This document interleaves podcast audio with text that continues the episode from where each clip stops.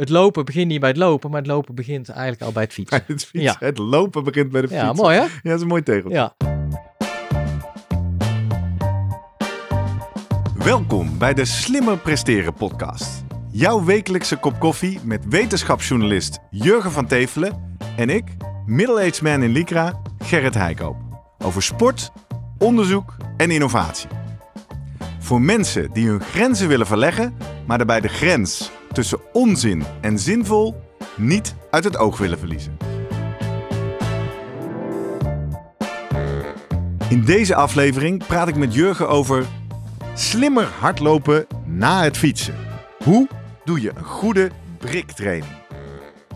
De overgang van het fietsen naar het lopen is voor de meeste triatleten een hel.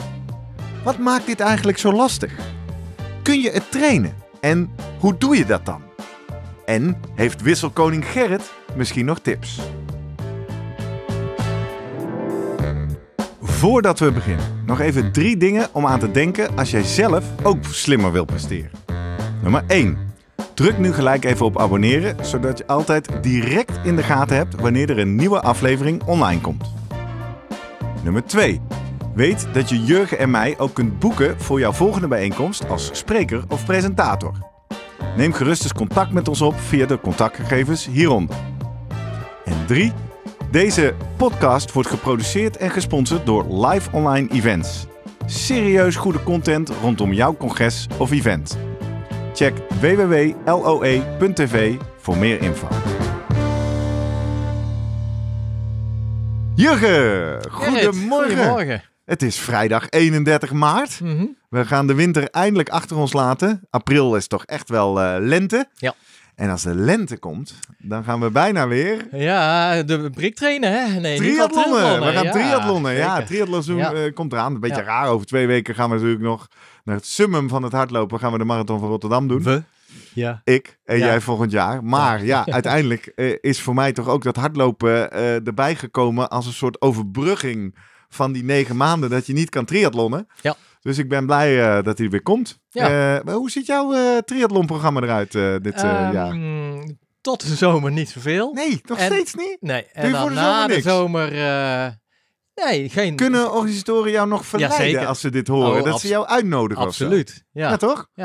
Ja, Nee, ik heb namelijk een vol programma. Ik, eh, net in eh, navolging van vorig jaar. Ja, ik, ben, ik word echt goed na de zomer. Oh ja, je Ja. piekt, eh Ja. je piekt Daar naar de zomer. Wat ga je doen? eigenlijk. Dan ga ik doen in ieder geval Amersfoort. Hè. Daar hoop ik jou weer, hoop ik jou weer tegen te komen. Ja, Ik hoop dat ons 4 Renkum september, eh, september. Renkum avontuur in ieder geval doorgaat. laatste zaterdag van augustus. En eh, ik denk Nijmegen. eh, Even goed, hè, mensen die net invallen. zeggen, Oh, triathlon, leuk. Renkum is een Ja. cross-triathlon. Dus dan zwem je om te beginnen met stroom mee. Dat is heerlijk. In de Krommerijn. En Ja. dan ga je op je mountainbike. En dan ren je door de natuur. Keistad triathlon is een week later. Eerste weekend van september. Dat is dan een gewone triathlon. Dan Ja. zwem je in de Eem en dan fiets je over de weg. En ik zou het dan- leuk vinden om aan de UATT-triathlon natuurlijk mee te doen. Maar Ja, maar je mag niet Nee, meedoen. mag niet meedoen. 9 september bij het Henschotenmeer. Eh heel veel vrienden van de show doen al wel mee. Eh, de kwartafstand zit inmiddels al vol. Oh, maar er zijn nog een paar plekjes op de 1 achtste. Ja. Dus als je denkt, nou, zou ik dan ook eens triathlonnen? Het een leuke toegankelijke triathlon om mee te doen. Ja. Maar ja, als je gaat triathlonnen, dan doe je drie sporten achter elkaar. Zwemmen, fietsen, lopen. Je hoort het al. En in deze aflevering gaan we op zoek naar het antwoord op de vraag waarom dat eigenlijk zo moeilijk is. Ja. Eh, we gaan lekker even onder de motorkap, zoals we hier zeggen. Wat gebeurt daar we fysiologisch? kunnen het ook wat breder trekken. Hè? Je hebt ook duathlons en runbike Zeker, runs. zeker, en, nou zeker. Ja, eh, er wordt dus het vaak combineren gecombineerd. van fietsen Ja. en lopen, daar Ja. gaan we het over hebben. We gaan straks eh, aan Guido vragen of hij daar nog specifieke tips over heeft. Hoeveel, hoe vaak kun je eigenlijk iets fout doen aan briktraining? En we hebben weer wat leuke luisteraarspost. Want eh, Jurgen, wat is de Ja. aanleiding dat we het hierover Nou, hebben? Los van dat we is enthousiast zijn. Twan de sapstommelier. Ja, je noemde hem eh, twee, drie weken Die heeft geleden die al. vraag gesteld. Ja, En eh, ik weet niet meer. eh, ik- ik- ben blijven hangen bij de naam, maar hij had een vraag hierover. Dus, ja, hij eh, schrijft, kunnen jullie het onderwerp brick training, oftewel koppeltraining, we gaan zo uitleggen wat dat is voor eh, luisteraars, een keer behandelen. In mijn geval vind ik het vooral interessant om te weten of je door middel van deze training het loopvolume, omla- loopvolume omlaag kan brengen en dus blessures kan voorkomen en toch hetzelfde trainingseffect kan hebben. Nou, Mhm. dat hebben we natuurlijk twee weken geleden uitgedokterd in de aflevering over het trainingsgat. Ja, ja. Dat kan, denk ik. En we hebben ook een, eh, een bericht gekregen van Bianco Witjes. Eh, die zijn we tegengekomen bij de uh, Zevenheuvelenloop natuurlijk. Eh, nog een leuk idee voor de podcast. Ik ben vervent hardloper. Maar door een paar vrienden ook besmet geraakt met het fietsvirus. Alleen nu is het dilemma. Wat is een mooie ritmiek qua trainen om beide sporten te combineren? Voor hardlopen zijn er goede schema's voorhanden. Maar voor die combi niet echt. En er is natuurlijk nog een verschil qua fietsen in de winterperiode op je fietstrainer binnen en het fietsen van buiten. Ik ben benieuwd wat jullie me daarover kunnen bijbrengen. Nou, er zijn een aantal verschillende insteken om het hier te gaan hebben over die combinatie van fietsen en hardlopen. Waar gaan we beginnen? Definities maar even, toch? Brik, ja. Brik trainen. Wat is voor jou, waar, waar komt het, eh, de naam Brik vandaan? Ja, wa- wat ik weet, en ik laat me nu graag bij, maar wat ik er nu van weet, is dat een brik is een baksteen. Ik eh, gebruik ook altijd als ik briktrainingen doe op Strava. Gaan we vooral volgen, Gerrit Heikoop op Strava. Ehm, het eh bakstenen emotietje, hè? en dan heb ik eh, brik 1 en brik 2. Eh, want zo zie ik dat voor me. Het is een soort gestapeld muurtje. En je doet eerst het ene steentje, eh, meestal fietsen. Eh, het mag ook andersom. En je kan ook eh, zes brikjes op elkaar leggen. Ja. En dan eh, eh, lopen. En dan heb je daar weer varianten in. in eh, toen ik aan het terugtrainen was van mijn bijna of echte kuitblessure, gebruikten we twee keer lang. Dus eh, eerst een uur of anderhalf uur of zelfs twee uur fietsen. En dan nog een uur, anderhalf uur lopen. Om echt eh, die spieren doorbloed te hebben. Wat ik vaak deed als triatleet al, hoe ik het ken, is eh, wat wij in de club wel de T2Go noemen. Oftewel de transitie 2, tweede wissel en dan go. Je doet een fietstraining. Je zorgt dat je loopspullen al klaarleggen. Je gaat zo snel mogelijk naar het fietsen. Fietsschoenen uit, loopschoenen aan. Kunnen we het nog over hebben, hoeveel kleding je nog Ja. gaat wisselen. En dan minimaal een kilometer of twee, drie lopen. Om maar even die overgang van het fietsen naar het lopen te trainen. Dat ken ik als briktrainer. Ja.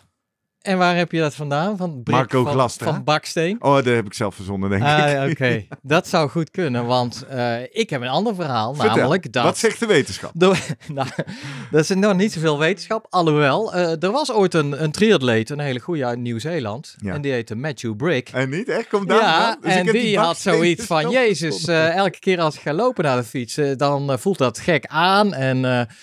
ja, ik haal mijn tempo niet wat ik gewend ben. eh, en die heeft toen bedacht, ik ga daarop trainen. Oh. En zo is eigenlijk de brick training ontstaan. Wat Wat, eh, wat hij deed is eh, gewoon afwisselend 15 kilometer fietsen, 3 kilometer hardlopen. En dan een paar keer achter elkaar keer. bijvoorbeeld. Ah. Ja. En daar, daar komt in mijn optiek eh, brick vandaan. Maar misschien als de luisteraar nog eh, het juiste antwoord of misschien is het allebei wel eh in Nou, ik orde. vond het vooral zo leuk dat er een emoji voor is. Van twee Ja, baksteentjes. maar het leuke ook is van, van Brick is, vind ik dan, hè, hij is orthopedisch chirurg, Ja. 60 jaar inmiddels. Ja. En hij heeft, hij, ja, op Wikipedia wordt hij geroemd, niet zozeer vanwege de Brick training, maar dat hij een ontzettende goede orthopeed is, die met meer dan 2500 heup eh, arthroscopieën achter de rug, die, die sleutelgatoperaties. Ik zie een lijntje aankomen, want hij weet dus heel goed Ja. wat er gebeurt in de heupen. Precies, en dat is natuurlijk, ja, eh, wat, ja, waarom zou je, waarom is die overgang zo moeilijk in, eh, Ja. in jou? En hoe, Beschrijf jij eens even, want eh, ik lees in onze reacties dat mensen het ook leuk vinden als jij praat over je sportavonturen. ja, nee, Beschrijf ja, jij nou eens wat er gebeurt als je in een triathlon van de fiets komt en gaat lopen. wat ik ervaar is dat mijn, mijn benen ineens heel gek aanvoelen, een beetje rubberen benen. Eh, en ik, eh, ja, geen afzet überhaupt. Ben, niet al, ben dan sowieso al niet zo van de krachtige afzet, maar dan al helemaal niet. En dat je denkt, oh jee, eh, ben ik hier aan het waggelen of ik kan mijn, ja, ik kan geen output leveren. En dat je denkt, oh ja, en ik moet nog 10 kilometer te gaan. ja, dat is die mentale ja. klap, hè? Dat je denkt, oh jee, oh jee, maar wat ik dan ook merk is dat ah, dan ga je toch stiekem na een paar honderd meter, kilometer op je klokje kijken. En denk je, oh, het valt nog best wel mee. Loop je hard? Ja, het, het valt niet tegen. Het, eh, het gevoel wat je hebt van dat je echt niet vooruit komt en dat je dus eh, ja, afzet zo alle belabbers is dat je eigenlijk eh, nou, ja, zo moet beperken in je snelheid. Valt dan wel mee, maar dat je moet inleveren is zeker zo. En meestal na 1, 2 kilometer, dan eh, gaat het wel weer, eh, ja, Ja. voelt het wel weer als natuurlijk aan. Ja. En, En eh, dat is volgens mij het belangrijkste wat je ook wil ervaren in die trainingen. Daarom zegt iedereen ook, ook mensen die nu luisteren en die door ons enthousiasme misschien een eerste triathlon gaan doen. Ja. Dat moet je trainen, want een al het mentale, we gaan het zo over fysiologisch hebben, maar Ja. dat mentale dat je denkt, dit komt niet goed. nee, precies. Als je dus een paar keer hebt ervaren dat het er na 1 à 2 kilometer uitgaat, dan durf je, ik, ik noem het zelf wat kippenbenen. Ik heb het idee als ik een soort kip wegloop. ja, ja, ja. Maar Nou, doe jij dat ook wel? eh, dat zou ik. kunnen, want Ja. ik zie mezelf niet lopen natuurlijk. Maar eh, wat, wat ook is, in de intro eh, refer- heb je mij aan mezelf laten refereren als de wisselkoning. Nou gaat het vandaag niet specifiek over dat wisselen, maar waar komt die titel nou vandaan? Ik als datanerd ga vaak in die tabellen met die uitslagen kijken. En al jaren vrij structureel ben ik regelmatig de snelste wisselaar van de dag. Ja, Oftewel, als je de tijd in de eerste wissel en de tweede wissel bij elkaar optelt en je maakt daar Ja. dan, sorteert dat in Excel, dan eh, ben ik vaak de snelste. en dan ben jij al eh, heel happy natuurlijk. Ja. Ja, want ik kan niet zo goed zwemmen. Ik kan ook niet zo goed Maar heb lopen je, en ook heb niet je goed dat fietsen. geleerd vanuit de brick, de brick training of heb jij... Nee, daar wil ik naartoe. eh, Dus, dus wat ik doe in die wisselzones, daar kan ik heel veel over delen. Wil ik ook heel graag een clinic over geven. Dat is een andere aflevering, denk Ja. ik. Ehm, ik, weet, ik ben benieuwd of daar wetenschap over is. Want anders kan natuurlijk nooit een aflevering Nou, er is wel het een en ander over gepubliceerd, maar dan, dat zijn meer gewoon getallen. Maar is- over wisselen specifiek? Ja. Oh. Nou ja, eh, Nou, dit, maar dit waar dat voor die wisseltraining eh, aflevering dan? Of niet? Oh nee, ik- dit zijn een paar observaties. Er is een studie verschenen in 2000. Nou, dus praat wel. eh, toen was een beetje de, de Olympic eh, distance was natuurlijk eh, werd een ding of was Ja. een ding. Hebben ze wat gegevens Jouw verzameld? skepsis zit toch, voor de mensen die het niet weten, triathlon is een vrij jonge sport. Hè? Ja. Die is pas begin jaren 80 begonnen. Dus als je het hebt over nu 20 jaar geleden, zit je op de helft van de hele ontwikkeling van de En toen eh, was het natuurlijk de Olympische Spelen. Ik weet niet wanneer het voor het eerst was. Met, met Rob Barel eh, Ja. mag toen nog op, eh, op zijn leeftijd meedoen. Ja. En eh, toen had, was natuurlijk de Olympische afstand. Nou, daar hebben ze wat gegevens voor de mensen die het verzameld. niet paraat hebben, is dus 1500 meter zwemmen, Ja. eh 40, 40 kilometer fietsen, fietsen, 10 10 lopen. lopen, Ja. met steren, mag Ja. hè? Ja. Dus dat heeft daar ook nog. En daar hebben ze een artikel over geschreven met aantal observaties, aantal tips, et cetera. En er staan best wel inter- interessante dingen in. Deels eh, anekdotisch geven ze zelf aan dat zij, zij zien dan die top, toptriatleten. Ja, wat wij misschien leren of gezegd hebben of dat je leest is die laatste eh kilometers van het fietsen rustiger aan of andere cadans. Hè? En, eh, en zij zien die toptriatleten die gaan juist harder omdat die als eerste gewoon bij dat lopen willen beginnen. Nou, dus ook daar, dat geeft een beetje aan, ja, daar kan je ook mee spelen. Hoe belangrijk vind je het natuurlijk allemaal? Wel grappig, als ik op die tip mag ingaan. Dit was eh, toen ik mijn eerste triathlon ging doen, zet ik dat op Facebook. Zeg ik, "Oh, ik ga eerst een Ja. triathlon doen. Wie heeft nog tips? Dat is een van de eerste tips die ik kreeg. Ook daarvan kan ik zeggen, ga het even oefenen, want het is mij bijzonder slecht bevallen. Waarschijnlijk omdat ik te licht terugschakelde. Ja, ja. Volgens mij is het idee dat je even je benen een beetje extra soepel beweegt, dat het wat meer bloedsomloop is. Ja. Maar als je dat te veel doet of te vroeg doet, het slaat nergens Nee. op, want je valt helemaal stil. Er zijn ook wat studies gedaan trouwens. die, maar goed, eh, dat doen we voor de wisselaflevering. Nee, zij hebben bij eh, met name WK's dan gekeken. eh, gemiddeld, dit zijn toppers hè, ja. voor de duidelijkheid. De mensen 56 seconden tijd in de wisselzone voor mannelijke triatleten. Ja. Eh dan, dan praat je eigenlijk van 0,8 tot 1,3 procent van de totale tijd. Dus 56 seconden. Ik Oh, je gaat mij nu vertellen dat het helemaal niet relevant is dat hoe- ik dit goed Nou kan. ja, dat, zet het wel een beetje in perspectief. Ik weet niet wat jouw eh tijden jou zijn. iets- Hangt oh. natuurlijk ook van de wisselzone af. Hè? Exact. Tijd doet er niet toe. Wat ik, wat ik zie is één, dat is waar. Op de kortere afstand maakt het meer uit dan de lange afstand. Dus doe je een achtste of een sprint triathlon of doe je Olympisch, dan heeft het zin. Wat ik zie is dat ik gemiddeld per wisselzone 10 man inhaal. Hè, want je, ik, nogmaals, ik ga dan een beetje nerden met die data in Excel en een beetje sorteren. Zo, ja, maar jij maken. zit tegenwoordig toch vooraan in het veld. Dus er valt niks ja, meer in te bij halen jou. start eh, bij de keistad, ja. Maar Oké. ik ben natuurlijk geen topper. Nee joh. Nee, dus, en, dus één, je kan daar gewoon Ja. veel winnen. In tijd en in posities. En mentaal is dat ook heel fijn. hè, Mentaal is dat lekker. Dan moet ik er meteen bij zeggen. Ik kies ervoor om de wissel ook als een wedstrijdonderdeel te zien. Ja. Dat is meteen een tip als je snel wil Ja, wisselen. ja. Ik weet dat er genoeg mensen zijn die zeggen, ja, rot op. ik vind het sowieso leuk om een triathlon te doen. En volgens mij heb jij dat ook wel gezegd. De wissel is voor mij een rustmomentje. Ik ga even omkleden, ik ga een Ja. banaantje eten. En dan ga ik een bakje koffie erbij. Ja. En dan ga ik eens aan het volgende onderdeel beginnen. Ja, nou, dat kan, maar dan word je geen wisselkoning. Even frikandelletje tussendoor. nou, precies. Ja. Dus dat is een aspect. En de belangrijkste, maar nogmaals, nu zijn we een soort prelude aan het doen op de wisselaflevering. Ik ga er nog één ding over zeggen. Als je wissel goed gaat, en dat betekent dus als je hem goed hebt doordacht, als je goed hebt getraind en weet wat je daar aan het doen bent, ga je mentaal heel lekker in een flow en ga je dus uiteindelijk ook lekkerder fietsen of lekkerder lopen. En dan zijn we weer bij die wissel van fietsen naar lopen, waar we het hier vandaag over gaan. Andersom is dus ook waar. Je kan door de hoge inspanning niet meer zo goed nadenken. Als je in je wissel gaat lopen klooien, Ja. dan raak je helemaal van je, hè, dan, dan raak je nog gefrustreerder, raak je gestrest.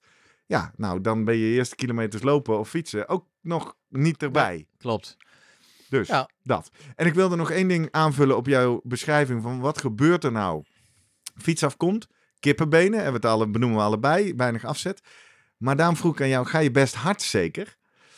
Wat interessant Mhm. is, wat veel mensen ook beschrijven, is dat ja, je loopt nog niet zo goed, maar je snelheidsbeleving komt van de fiets Ja, af. ja, dat je dat ook nog Dus meeneemt. voor ja. je gevoel ga je knijter langzaam Ja. en daardoor ga je eigenlijk relatief veel te hard lopen. Ja. Herken je Dat zou ook wel kunnen, ja. ja, want er zit mentaal, klopt er iets niet. Want Ja, je ging net nog met eh, snelheid 30 gewend. of 40 km Ja. per uur. En nu ga je weer terug naar 12 of 13 of 14 Ja. km per uur. En voor je Ah, gevoel loop je dan eigenlijk veel harder Ja. dan je normaal wel eens gewend bent. En dat wordt dan weer geremd doordat die benen niet Ja. helemaal lekker lopen. Oh, dat kan. Volgens mij dat verschijnsel, optic flow of zo heet dat. Nou, Ja, ja. Dat je door een nauwe straat ook het gevoel hebt harder te gaan dan Precies. door een brede straat. Precies. Ja. Ja. Oh, dat, eh dat ken ik. Omschakeling van de hersenen. Nog even eh, eh, die getallen, Ja. die, die toppers namelijk, die hebben acht seconden nodig om een fiets in trek te zetten, de helm af te zetten en de schoenen te verwisselen. Acht Ja. seconden. Ja. Nou, dus eh, weet je wat je aan kan werken. Hoezo? Nee, maar kan wat werken. jij- Je weet niet hoe snel ik dat kan? Wat, nee, daarom. Maar dat horen we dan wel in die wisselaflevering. wat wel opviel, wat zij beschrijven en waar ze zich in 2000 in ieder geval echt over verbazen, zij is dat 70% van de triatleten van nationaal niveau, dus behoorlijk goed, Ja. Die hebben eh, na die wissel, eh, blijven zij de eerste 500 meter tot 1 kilometer 10% onder hun 10 kilometer tempo lopen. Dus zij hebben er dus echt last van. wat jij zei, Ja. dat je minder hard loopt Ja. juist. Ja. En juist, dus ja, dit zijn toppers. Ja. Waarvan je verwacht, die oefenen dit vaak. Die zijn dit gewend. Kortom, dit geeft wel aan, er is echt iets aan de hand. Het is echt wel een, een Iets beproeving. fysiologisch. Ja. En dat, eh, nou ja, in, Duik er maar eens in, Er zijn Jurgen, genoeg- onder de motorkap. Wat, ja, er eh, zijn wat zeker er? studies gedaan. Eigenlijk de makkelijkste manier is van, ja, eh, laat een groep mensen, triatleten of niet, al dan niet getraind, eerst een stuk fietsen en daarna eh, lopen. Ja. En vergelijk eh, dat met de- waarbij ze eerst een stukje laat lopen en dan ook weer bijvoorbeeld vijf kilometer laat lopen op een loopband. Gaat Ja. dat vaak. Ja. Eh, ga bijvoorbeeld de zuurstofconsumptie meten of zet allerlei plakkers op de benen om te kijken naar de biomechanica. Lopen ze anders? Hoe zijn de kniehoeken? Hoe, zijn, hoe gaat het met het heupgewricht, zeg maar? Eh, en daarbij hetzelfde doen ze dan met eh, EMG. Ja. Dus sensoren om de elektrische activatie te meten van spieren.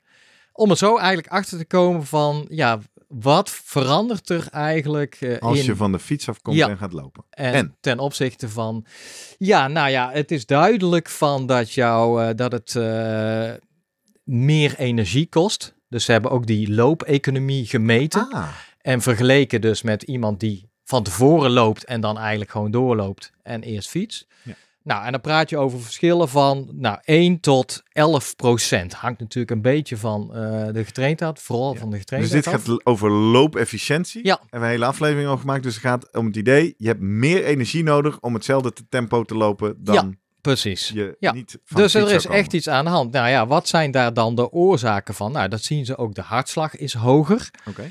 Eh, ze zien dat een soort nou, hyperventilatie, dus eigenlijk de frequentie, maar de ademfrequentie is hoger.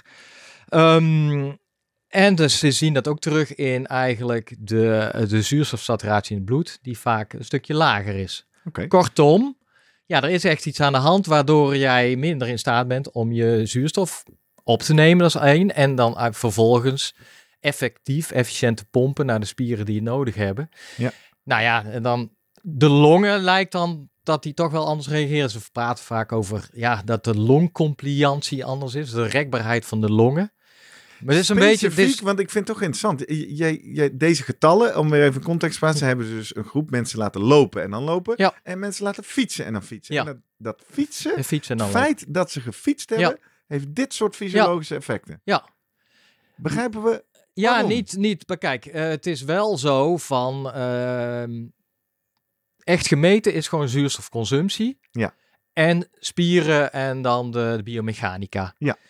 Ze gaan wel nog relateren aan, nou ja, waar komt het vandaan en hoe zit het in de wedstrijd? En Ja. dan komen ze erbij van, ja, oké, vergeet niet dat in een echte triathlon je ook vaak te maken hebt met misschien, eh, je hebt niet genoeg gegeten, dus je glycogeenvoorraad is aan het Ah, opraken. Tegen Dus die tijd dat je die bij vermoeidheid. bent. Ja. je hebt eh, vocht verloren en dat verklaart ook dat je hartslag al extra omhoog gaat. Ja. Je kan een beetje, je kerntemperatuur kan iets zijn opgelopen. Nou, Ja. we weten ook dat dat gepaard gaat met een afname in je loopefficiëntie. Oh ja.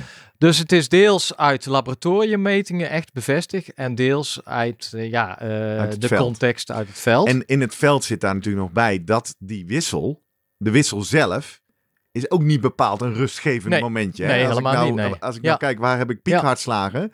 Is dat natuurlijk op die eindsprint bij de finish, maar zeker ook in die wisselzone. Ja, ja. Nee, maar dus ook met die longen zeggen ze, ja, dat is waarschijnlijk toch de houding. Dat je daar, eh, en het feit, ja, dat hyperventileren is misschien de stress ook van de wedstrijd. Ja. Maar ga je eigenlijk kijken nu puur o- ook van, eh, ja, biomechanisch, zeg maar. Ga jij anders lopen? Ja, dan is dat toch best wel moeilijk, maar dat zit hem ook in het oppikken van, door middel van, eh, als jij gaat kijken dus naar, echt naar de loopbeweging. Ja. Ja, zeggen ze af en toe. eh, wat je wel ziet is gemiddeld genomen dat het, de romp iets meer naar voren eh, hangt nog tijdens het lopen. Ja. Alsof jij dus jouw eh, fietshouding meeneemt in het begin. Eh, de- Maakt het voor dit experiment of voor de wetenschap nog uit of ik op een triathlon tijdrithouding nou, daar komen we zo nog wel op. Oh, Want dat vind ik wel weer interessante Spoiler. dingen. Ja, ja, de kniehef is wat minder. ja. En ook in die EMG-metingen zien ze wel eens op zich dat ja, de activatie van een aantal eh, beenspieren net anders verloopt Ja. dan dat je zou denken als iemand niet van tevoren heeft gefietst. Dus er wordt zeker wel wat gevonden, maar het is allemaal niet heel consistent. En ik denk ook dat het erg afhangt ja, van eh, de getraindheid natuurlijk van mensen en eh, in hoeverre ze het gewend zijn. Ja. Ehm, maar zelfs bij elite triatleten, een recente studie, zagen ze eigenlijk dat de eerste drie minuten, dus het gaat wel weer over, dat zij biomechanisch gezien, dus nou ja, met plakkertjes overal en dan met camera's gekeken, drie minuten iets anders liepen. Hm. Eh, ja, en dat Logisch ook wel, hè? Ergens bedoel, wel, het is ja. fijn dat de wetenschap dit bevestigt, maar Ja. iedereen die wel eens een triathlon heeft gedaan, herkent het ook. Ja, maar het Jij fijne is ook. misschien ook dat je zegt, het, het duurt maar even, hè. het Ja. kan weer overgaan. Ook en, dat is eh, wetenschappelijk aangetoond. Ja. Nou ja, eh, een beetje een open deur is, want zij hebben natuurlijk ook gekeken, denk ik, in al die studies van, eh, ja, wat loopt. Ze weten misschien van triatleten wat hun normale 10 kilometer tempo is. Of je ziet wat ze lopen na 3 kilometer en wat doen ze aan het begin van de wedstrijd. Als je dat relateert een beetje aan hun de manier van fietsen. eh, en dat is niet alleen De fietstijd. manier van fietsen. Ja, is eigenlijk economisch fietsen. Oké. Dat zijn gewoon natuurlijk, en dat zijn ook allemaal een Maar beetje Ja, zeg oké, inkoppers. maar ik denk eigenlijk, wat is economisch fietsen? Ja, dat jij tijdens eh, bij een Olympic Distance mag jij natuurlijk in het zorg van anderen, Ah, mag zo. je in een groep fietsen. Ja, ja, ja. ja. En als eh, iemand eh, heel veel op kopwerk heeft gedaan, Ja, dan, dan dan is zie je dat ook natuurlijk terug vermoeider. Ja, in, ja, ja. eh. Logisch. Dus nou ja, dat is misschien een van de tips die we straks wel kunnen geven. Het lopen begint niet bij het lopen, maar het lopen begint eigenlijk al bij het fietsen. Bij het, fietsen. het lopen begint bij de fiets. Ja, mooi hè? Ja, dat is een mooi tegeltje. Ja. Maar goed, ehm, ik wil wel doorgaan, want er zijn wel, wel, wel nieuwe studies. Ja. Eh, we hadden het ook dat activatieproteïn anders. Ja, dat is allemaal goed. Wat het leuke is, dat zijn een beetje oude studies gedaan. Ouderwets EMG kan je dat meten, et cetera. Maar tegenwoordig heb je gewoon nou, de stride-achtige dingen. Ja, de, De accelerometers. Ja. Eh, binnenkort gaan we volgens mij ook eentje testen voor eh, te kijken naar adem. ja, we waren vorige week natuurlijk in het lab. Ja. Hier is het gelukkig weer een stuk warmer. Maar we gaan weer terug naar het lab. En dan gaan we een shirt meten wat ademhaling Precies. kan meten. Ja. Timeware. En eigenlijk zijn het allemaal dezelfde soort eh, metertjes. Hè? Ze reageren op versnelling, ze reageren op positie. Ja. Eh, en zij kunnen dus, ja, eigenlijk is het een beetje in dit geval denk ik altijd, ach, het zijn makkelijke sensoren, we hangen ze op, eh, we meten wat en we zien wel wat er gebeurt. En Ja. dat, dat zijn veel studies die nu gedaan worden, maar omdat ze ook zo makkelijk ze zijn. Ehm, en, maar die het voordeel hebben dat ze in het veld eh, gebruikt kunnen worden. Helder. Nou, in dit geval hebben ze zo'n eh, sensor eh, ja, eigenlijk op de buik gehangen. En als maat een beetje van je lichaams zwaartepunt om te kijken hoe dat Beweegt. beweegt. Ja. En je weet natuurlijk bij het fietsen zit dat behoorlijk stil. Moet dat stil. En bij het lopen, ja, dan krijg je er wel be- beweging in. En, maar dan wil je eigenlijk ook dat hij voornamelijk in voorwaartse richting gaat. En niet te veel verticaal eh, heen en weer beweegt. Want dat geeft allemaal energieverlies. Nou, wat zij gedaan hebben, een recente studie in eh 2021 getrainde atleten. Nou, die liet een Cooper-test ondergaan. Piepjestest, toch? Cooper-test is 12 minuten. Ja, maar oh, dat is niet Ja. de piepjestest. Nee, de piepjestest is eh, de yo-yo. Dacht, De? Cooper-test is... Gewoon eh, 12 nee, minuten eh, lopen Ja, zo ver mogelijk. deed je vroeger op school, hè? Ja, Toch? En ja. dan, nou, hoop, dan ging je altijd uit van in ieder geval meer dan 3000 moest je wel halen. Deed je een beetje mee. Maar ze, nou ja, dan hebben ze, ze hadden gewoon een parcoursje, lekker. Ja. En dan 12 minuten lopen en dan van tevoren, de ene keer van tevoren nog fietsen. Ik denk, nou, ik weet niet hoeveel, 20 kilometer of zo. Hard? Intensief? Eh, Race? ja, ja. En dan wel denk ik, eh, ja, zoals eh, op de, met het vermogen dat je gewend bent bij een triathlon. Ja. Nou, eh, en dan gekeken naar, ehm, ja, in dit geval, leuk, hadden ze ook een, ehm, een NIRS op hun... Hey. Nou, heup- afleveringen beginnen mooi aan elkaar te Ja. ragen, rijgen. Mensen die het gemist hebben, ga terug naar vorige week. Ga vooral naar YouTube kijken, naar ons Slimmer Presteren Sportlab. Waar wij de Near Infrared sensor hebben getest, die de, de saturatie van de spieren meet. en daar zien zij ook daadwerkelijk dat het afhangt of je eerst fietst. Of, eh, of dat niet hoeft te doen, of, of gewoon e- eerst een stuk hebt gelopen. Op die, eh, die zuurstof, eh, de lokale zuurstofsaturatie. Kortom, het kost meer energie eigenlijk. Ja. Dus die, die VO2 max eigenlijk, die zuurstofopname, zie je terug op lokaal niveau in de spier. Dat, dat, ja, dat het meer eh, zuurstof kost om, eh, om te lopen na het fietsen. En wat betreft eigenlijk, eh want ze gebruiken die accelerometer, die sensor, om te kijken ook naar het looppatroon. En dan zien ze juist dat de paslengte korter wordt. Ja, Nou, het scheelt ongeveer 10 centimeter. Je gaat dat kleinere kippenlopen. pasjes. Ja, dat herken ik. Lopen als een kip. Zonder de, eigenlijk de, de, de pasfrequentie verandert niet. De verticale oscillatie, verticale beweging is eh, onveranderd. En de grondcontacttijd eh, is ook onveranderd. Dus het Ja. zit er met name in, ja, nou ja, zoals jij het eh, als, een, als een kip lopen, kleinere passen ga je maken. Ja. Ehm, en en dat is eigenlijk, vind ik, wel een uitnodiging aan iedereen die af en toe een briktraining doet of triathlons van en een, ja, het geld over heeft voor metertjes die jij ook allemaal gebruikt. Ja, eh, ga dat terug eh, zoeken. Ga eens kijken Waarom? of je dat, nou ja, voor jezelf. Voordat we nu mensen aan gaan meten. of je kan eh, profiteren. Nou, eh, wat gebeurt er bij jezelf en kan je dat verbeteren met priktraining? Dit is eigenlijk een uitnodiging. Je kan tegenwoordig natuurlijk allemaal veldstudies bij ah, jezelf kun je het doen. verbeteren? Ik Ja. wou zeggen, want ik ga nu bijna in het Jurgen Vertevelen kamp trainen op gevoel. Ik bedoel, Ja. dit voel je toch? Eh, maar ja, jij zei dan... Nou, je bij, zou dit, met- bij dit soort dingen vind ik het wel leuk om dit soort data te verzamelen voor en dan, jezelf. en dan wil je dus kijken of het je, als je regelmatig een briktraining Ja. doet, oftewel regelmatig even gaat lopen naar het fietsen, lang of kort, horen we zo, dat je dan gaat zien in je data dat je staplengte ja, gro- sneller groter wordt. Ja, oftewel dus dat je efficiënter gaat zoals lopen. die normaal is bij Ja, een oké, 5 ja, kilometer, nou 10 ja, kilometer. Ja. Ja, Ja. dat zeg ik dus, daar heb ik geen gadget voor nodig. Maar Nou ja, er zijn wel meer van dit soort eh, studies tegenwoordig. Ehm, dat is denk ik wel een dingetje. Zadelpenhoek.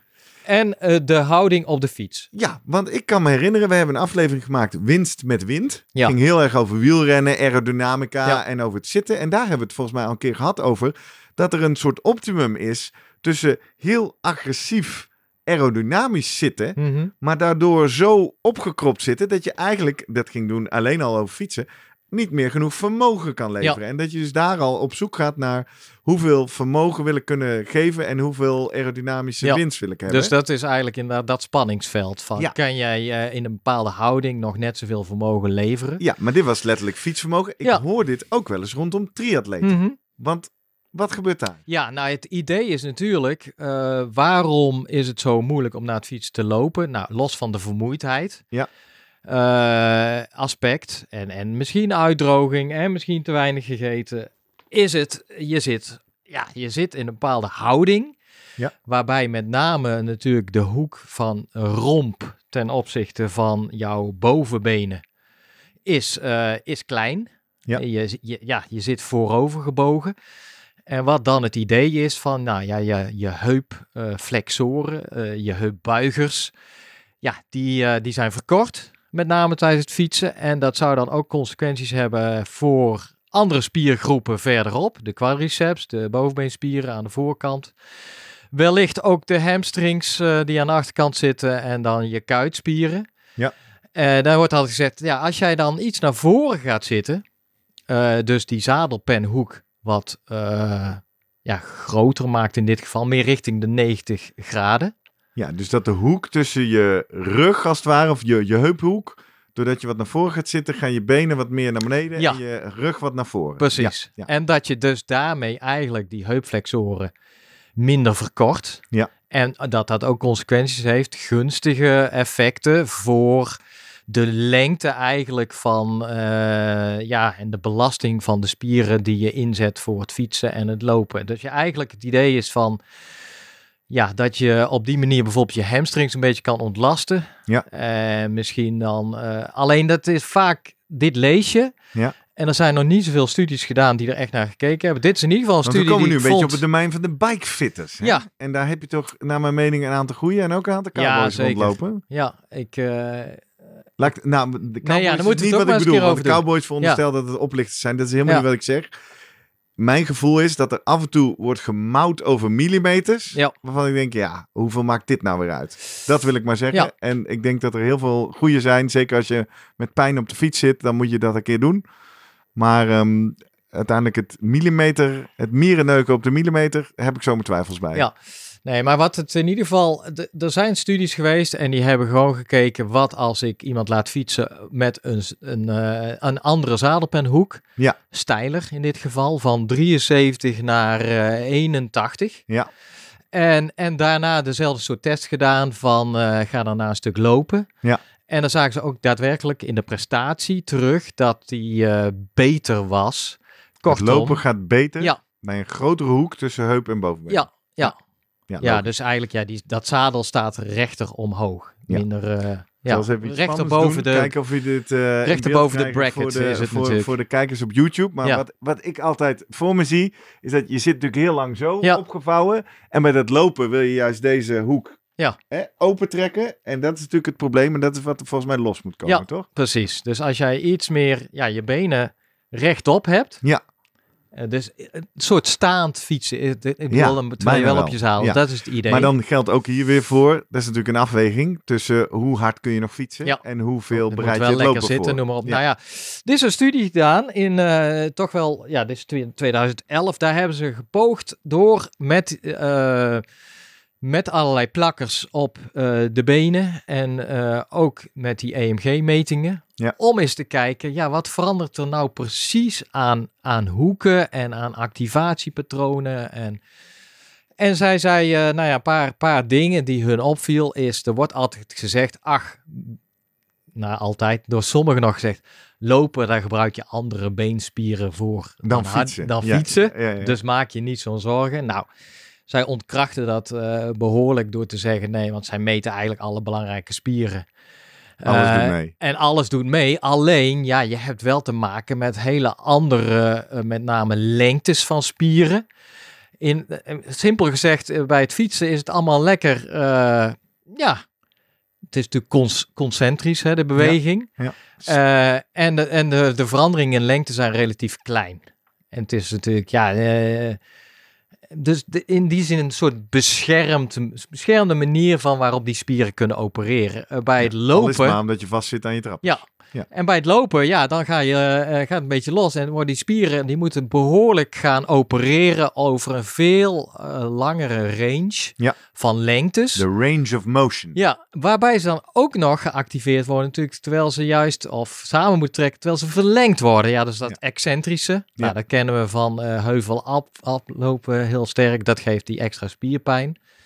En eh, zij laten eigenlijk zien van ja, dus dat is er al gaande. Dus het is deels misschien appels met peren vergelijken, maar nou ja, het zijn nog steeds appels, want zelfs Ja, spieren. het is nog alleen, steeds fruit, eh, moet je dan ja, zeggen. de grannies met eh, de, noem eens een eh, andere soort appel die jij, Jona eh, Gold. ja, met een Jona-goltje. Oké, en wat... Die vind ik trouwens helemaal niet lekker. Ik vind de Brayburns het lekkerst, maar die komen uit Nieuw-Zeeland. Dat is eigenlijk niet goed, hè? Nee, Wat, nee, nee, wat is jouw favoriete appel? Ja, een beetje die... ehm, ik, ik ga voor die kleine Jona-goltjes. Die, Ja? ja. Ik vind die altijd zo melig. Hmm. Ik vind het zo jammer dat Brayburns uit Nieuw-Zeeland... Want je wil natuurlijk niet je fruit uit, eh, over de hele wereld eh, shippen. Ja. Daar moeten we vanaf. Maar ik vind ze wel het lekkerst. Goed, Beetje zoet, beetje aparte zuur. Anyway. aflevering ooit. Misschien nee, we gaan een fruitsponsor die Ja. leuk wil adverteren. Dit was een ongesponsorde boodschap. Wat een beetje wel wat, wat zij zeiden is, zij vonden niet veel verschillen uiteindelijk. Zij hadden wel, ze hadden zoiets, ja, we kunnen het niet meten. Of het is toch allemaal, het wordt een beetje overschat wat dan zo'n zadelpenhoek precies verandert. Ja.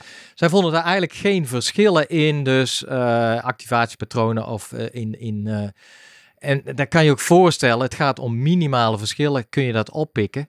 Wat zij daarentegen wel meer vonden, wat gunstiger was voor in ieder geval, ja, als je, als je gaat kijken, wat is de gunstige manier om te fietsen? Welke positie, fietspositie, ja, laat ik ja. zo zeggen, Ja. lijkt het meeste op Ja. lopen?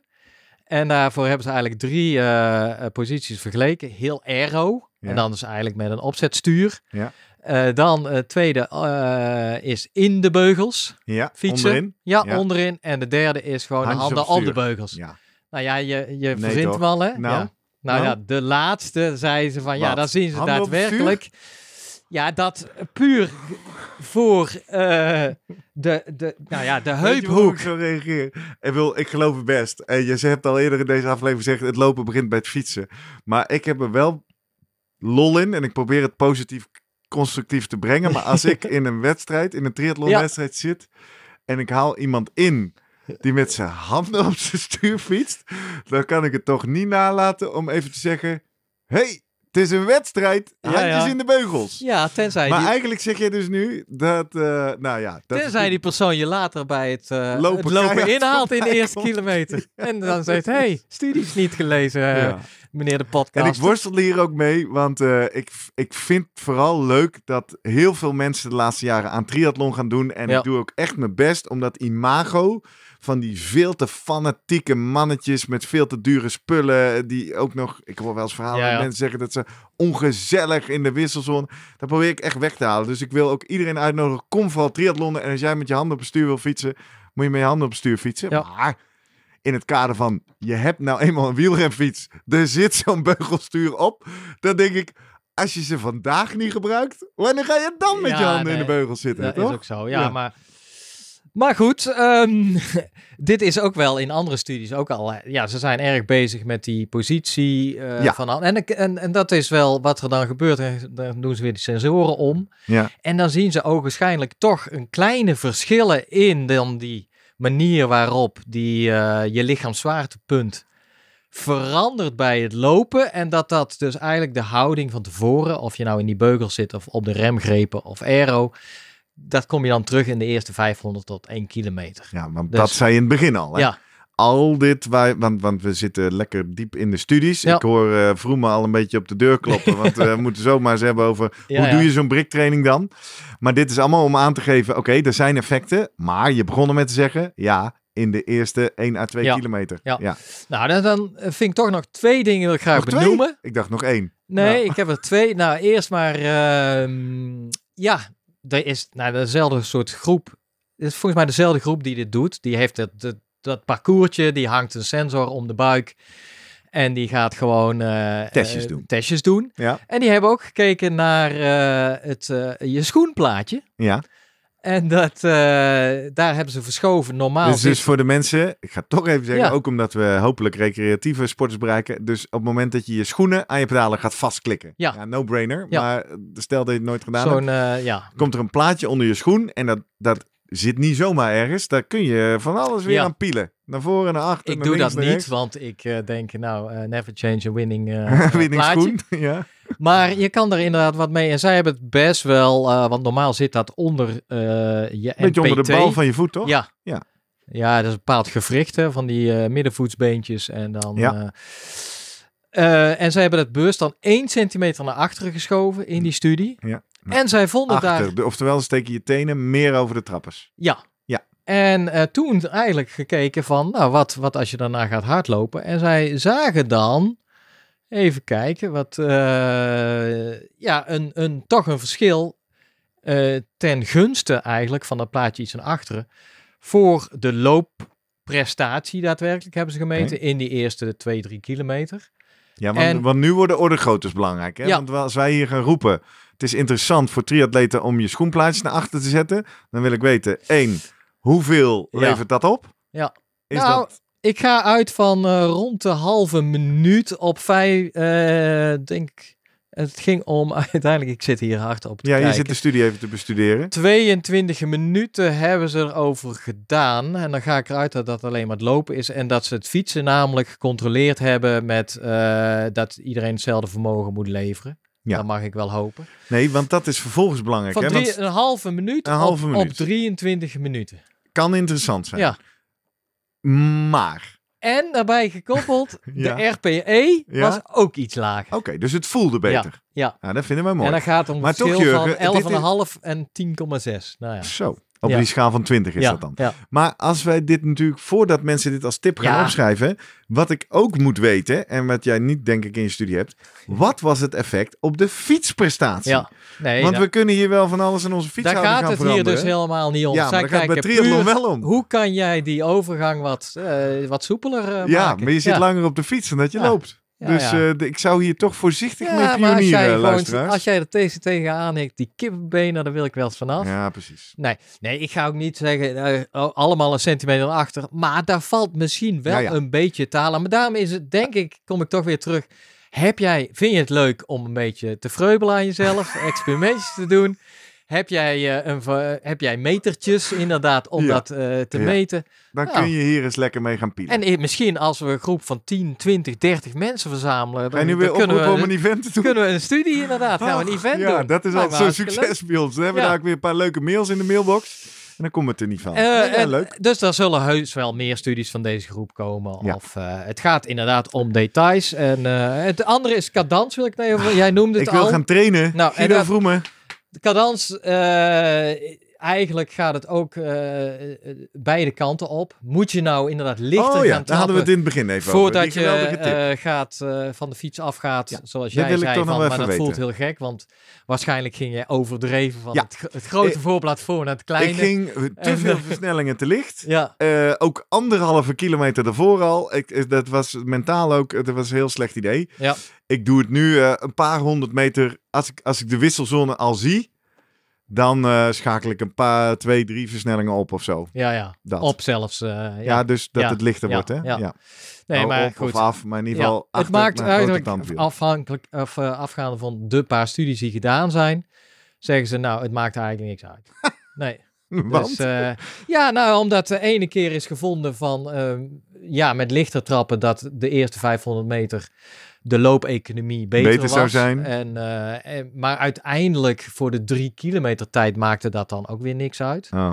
Dus, eh, en in het andere geval ze juist vonden dat iets zwaarder trappen eh, gunstig was. Dus we gaan hier eh, het advies geven, doe wat goed voelt. Ja, precies. Voor jou. Ja, Ja, nou, dat is altijd een mooi advies, toch? en dat, ik zie een mooi event aankomen. Dat gaan we allemaal meenemen in het... Nou, eh, ga jij het maar plannen ja. dan. hey, eh, luister, we gaan naar Guido Vroemen. Maar niet voor dat. Ik denk dat dit wel een mooi blokje is om af en toe het even over onze vrienden van de show te hebben. is goed. En ook over ons businessmodel van de podcast. Vragen ook veel mensen, hè? jongens, al 135 afleveringen verdienen jullie ook Waar betaal die mooie bus van Ja, jou van, Waar betaal je dat allemaal van? Ja, Nou, onder andere was natuurlijk al ons plan toen we hier in februari 2020 mee begonnen. Dat je ons kan boeken. mhm. Dat eh, is toen 2,5 jaar waren er geen events. Maar die zijn er weer. En de- er komen meer en Ja. meer boekingen. We zijn bij de algemene ledenvergadering van de eh Velo-rug fietsteam. We zijn bij onze eigen triathlonvereniging. We zijn bij een eh, mooi innovatief bedrijf in nieuwe eiwitbronnen uitgenodigd. Die met hun medewerkers naar een triathlon gaan toetrainen. Om daar wat enthousiasme en kennis te delen. Dus het begint te gebeuren. Ik wil Leuk. maar zeggen, als je het leuk vindt. eh, nou ja, we zeggen het al aan het begin van de aflevering. Wat ook nog steeds begint te gebeuren is dat steeds meer mensen vriend van de show worden. En dat is eigenlijk nu toch wel onze belangrijkste inkomstenbron om een beetje de kosten te dekken. Mhm. Eh vriend van de show.nl slash slimme podcast. Daar ging eh, Indra heen. Gerry Visser uit uh, Terschelling kwam ik Mhm. tegen in school. Superleuk. Helene van Oers is vriendin van de show geworden. Wim Nieuwenhuizen. Carlien. Weet je wie dat is? Carline Harms. Ja, is Ja. Harms. Ja, de bekende topatleet Ja, hè, van vroeger. En nu eh sportdiëtiste. Ja. En, ik vind het altijd spannend als wij het over sportvoeding hebben. Maar zij schreef er toch bij. Ik stuur af en toe wel eens een aflevering van jullie Ja. door aan mijn cliënten. Dus maar ja, je weet niet of dat het sportvoedingsafleveringen Nee, dat is waar. zijn. Dat zou ook een andere aflevering kunnen zijn. En ook Sjors zonder achternaam is eh, vriend van de show geworden. Dus eh, wil je bij dit eh, legertje horen, dan ga naar vriendvandeshow.nl slash slimme podcast. Als je betaalt, mag je in de exclusieve Slimmer, Slimmer Presteren podcast Strava Club. Wel leuk. Eh, sinds dat wij het er laatst over hadden, eh, zijn toch ook meer mensen jou gaan volgen. En eh, ga je hopelijk ook met wat meer aandacht aan jouw Strava-post werken.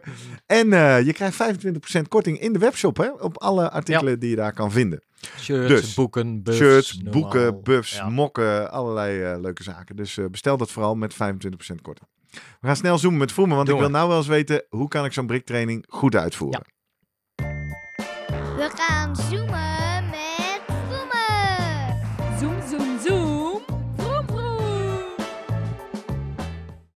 Guido, goedemorgen. Goedemorgen, Guido.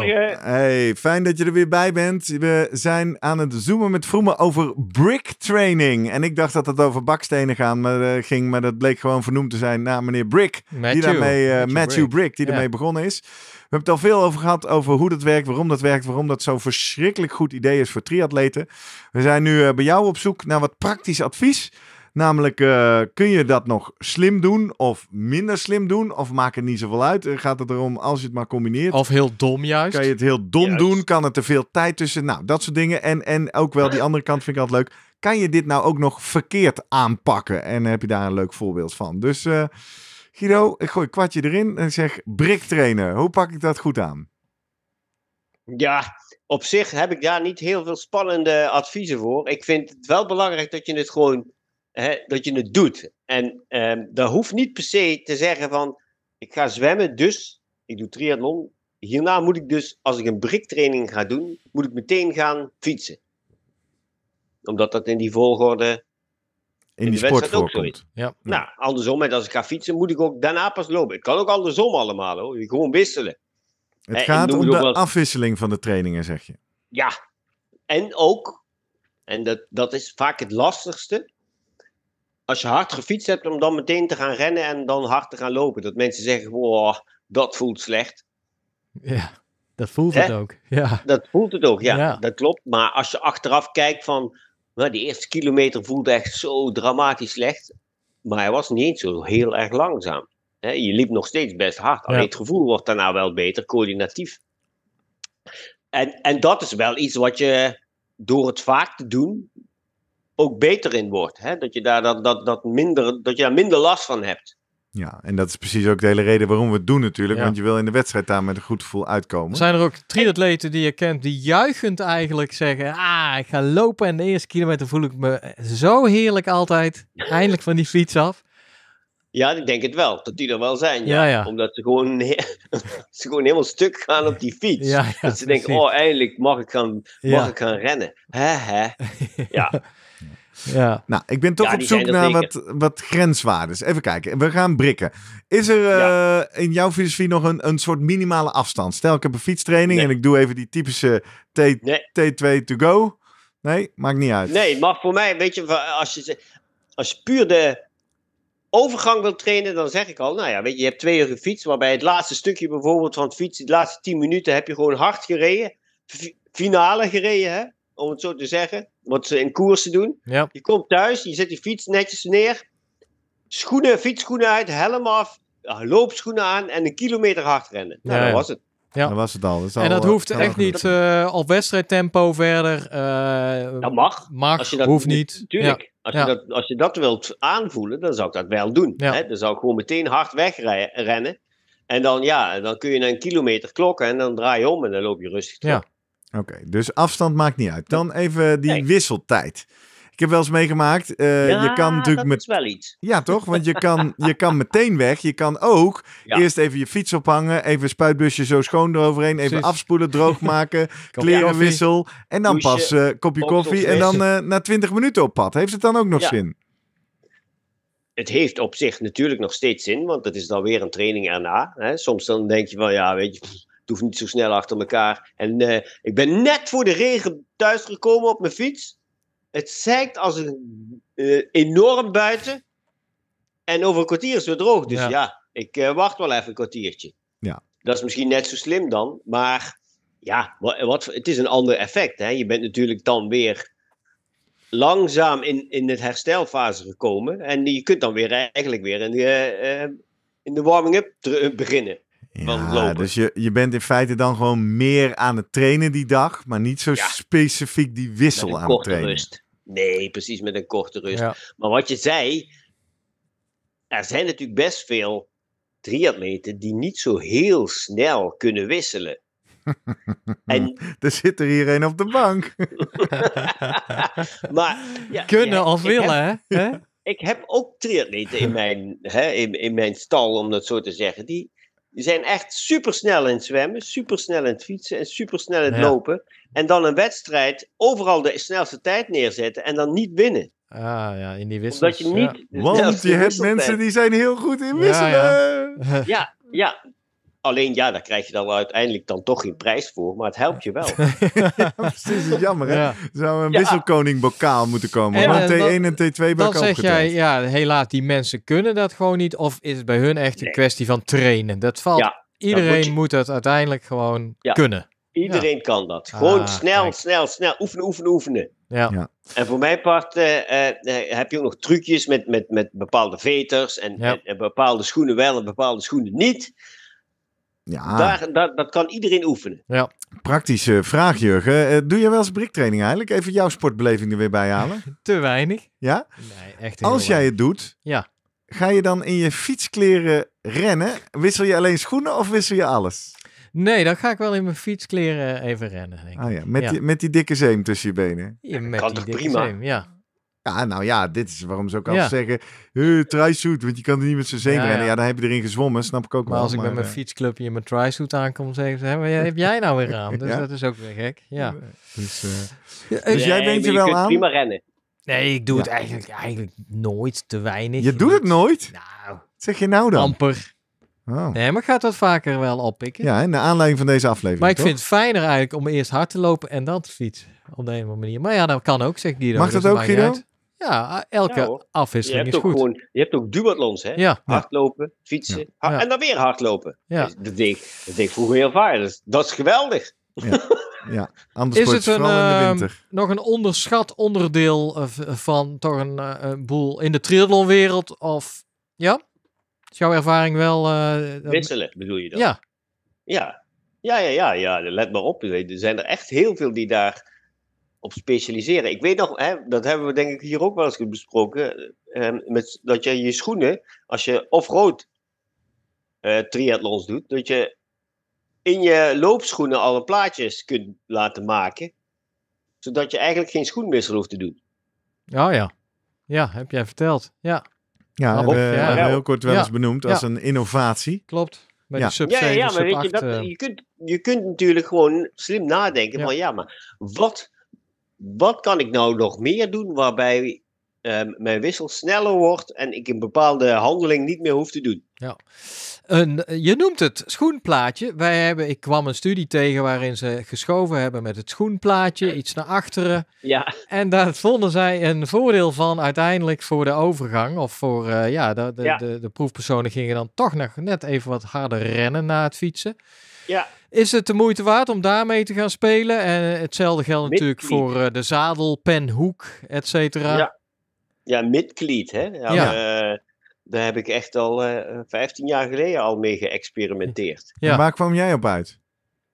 Ja, het helpt voor triatleten, kan het wel helpen, omdat je, je als je ehm, met fietsen dus meer het plaatje dus hè, onder, je, onder het midden van je voet hebt staan, Mhm. dan zul je minder vanuit je kuiten gaan activeren, want je duwt met een platte voet omlaag en niet met zeg maar, je gaat niet Ja. enkelen, wat je bij een sprint eigenlijk in het wielrennen wel weer vaak moet doen.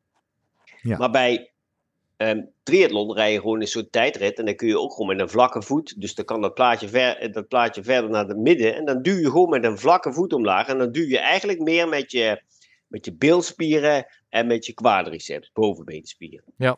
Dus Klinkt die dus kuiten wel- worden redelijk gespaard en die heb je nodig tijdens het hardlopen.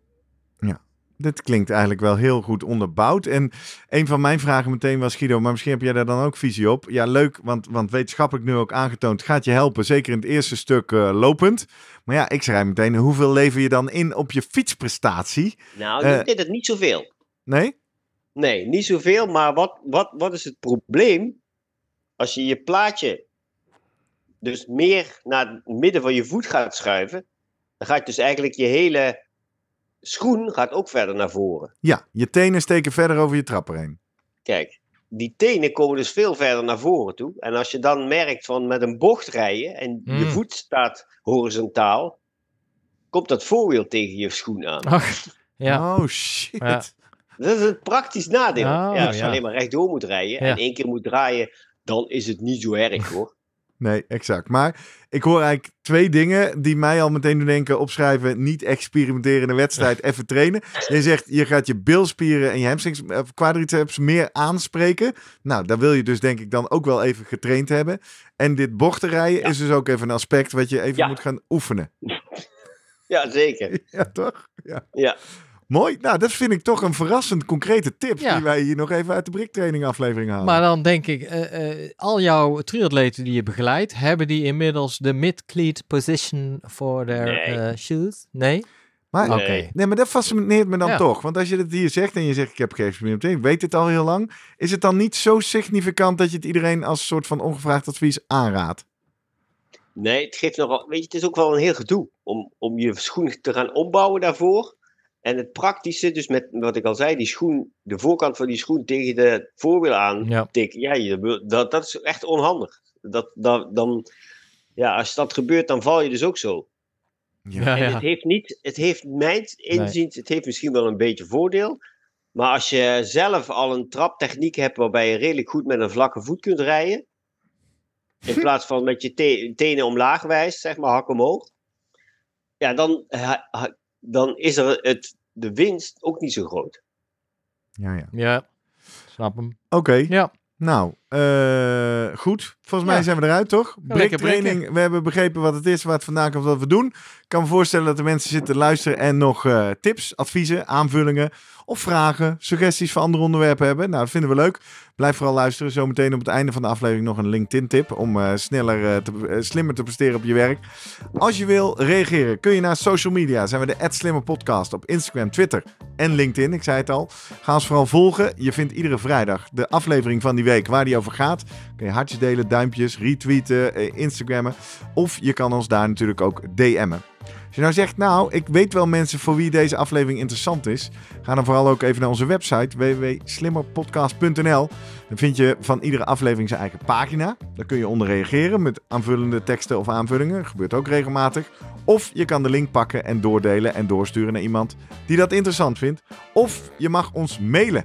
Net zoals eh Twan, de sapsommelier, eh, deed in deze aflevering. deed hij goed. Via post.slimmerpodcast.nl Mooi. Eind maart. Nog een week of twee eh, voordat we naar Rotterdam gaan. Eh, Guido, gaat de taper al beginnen? Of gaan we nog een beetje doortrainen deze week?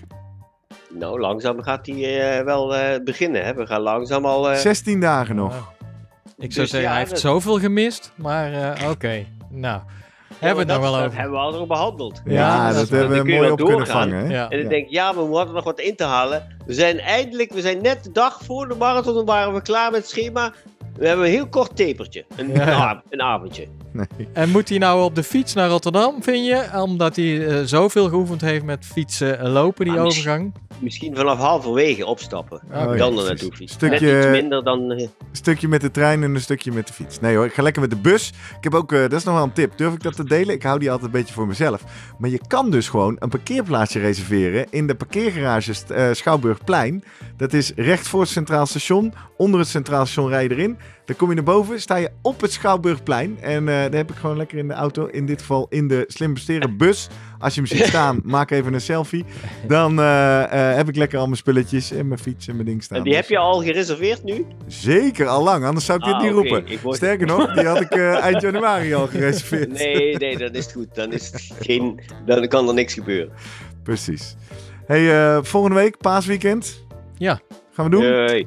Eieren. Wat gaan we ook alweer doen? We hadden een Anaerobe tank. Ja, anaerobe Nee, tank. i- Leuk. niet heel nodig voor de marathon. Maar eh, Guido, daarin Ja. zit nog een fragment uit het eh, Slimmer Presteren Sportlab. Ik heb nog nooit iemand zich zo erg uit elkaar zien trekken. Dus daar verheug ik me nu al op. Ja, maar dat hoort erbij. Dat kan dat jij. is de anaerobe tank. Ja. Precies, heel goed. Guido, tot volgende week. Tot volgende week. Yes. Jurgen, Yo. tot volgende week. Hoi hoi. Hoi.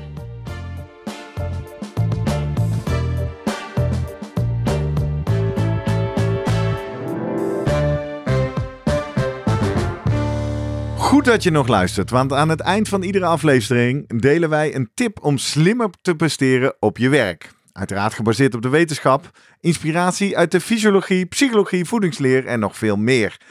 Jurgen, welke studie heb je deze week gevonden? Nou, een, Ma- een Maastrichtse studie. Ook weer naar herstel en gebruik van eiwit. En eh, tot mijn Eiwit? verrassing, Ja? ja, eiwit, ging het dit keer om ehm, als je nou een workout in de avond doet, je Ja. gaat bodyboosten of eh, zwemmen, wat wij wel eens doen, hè, Ja. dan is het toch goed om net voor het slapen gaan, een half uurtje voor een bakje kwark te eten. Nee. Ja, want wij hebben lieten... toch met Cas Voegs dat helemaal zitten debunken? Ja, ja, maar ik denk dat dat gaat om sporten overdag en overdag eten. Ja. Maar juist in dit geval lieten zij zien dat s'nachts de aanmaak van eiwit in de spieren bevorderd wordt op het moment dat jij net voor het slapen gaan dat bakje kwark eet. Dus en ja, als je dat doet, dan voel je je extra fit de volgende ochtend wanneer je weer eh, aan de bak moet. Lekker. Mag het ook dubbel vla zijn? Het mag voor mij ook dubbel vla zijn, Gerrit. Ik zal eraan denken vanavond.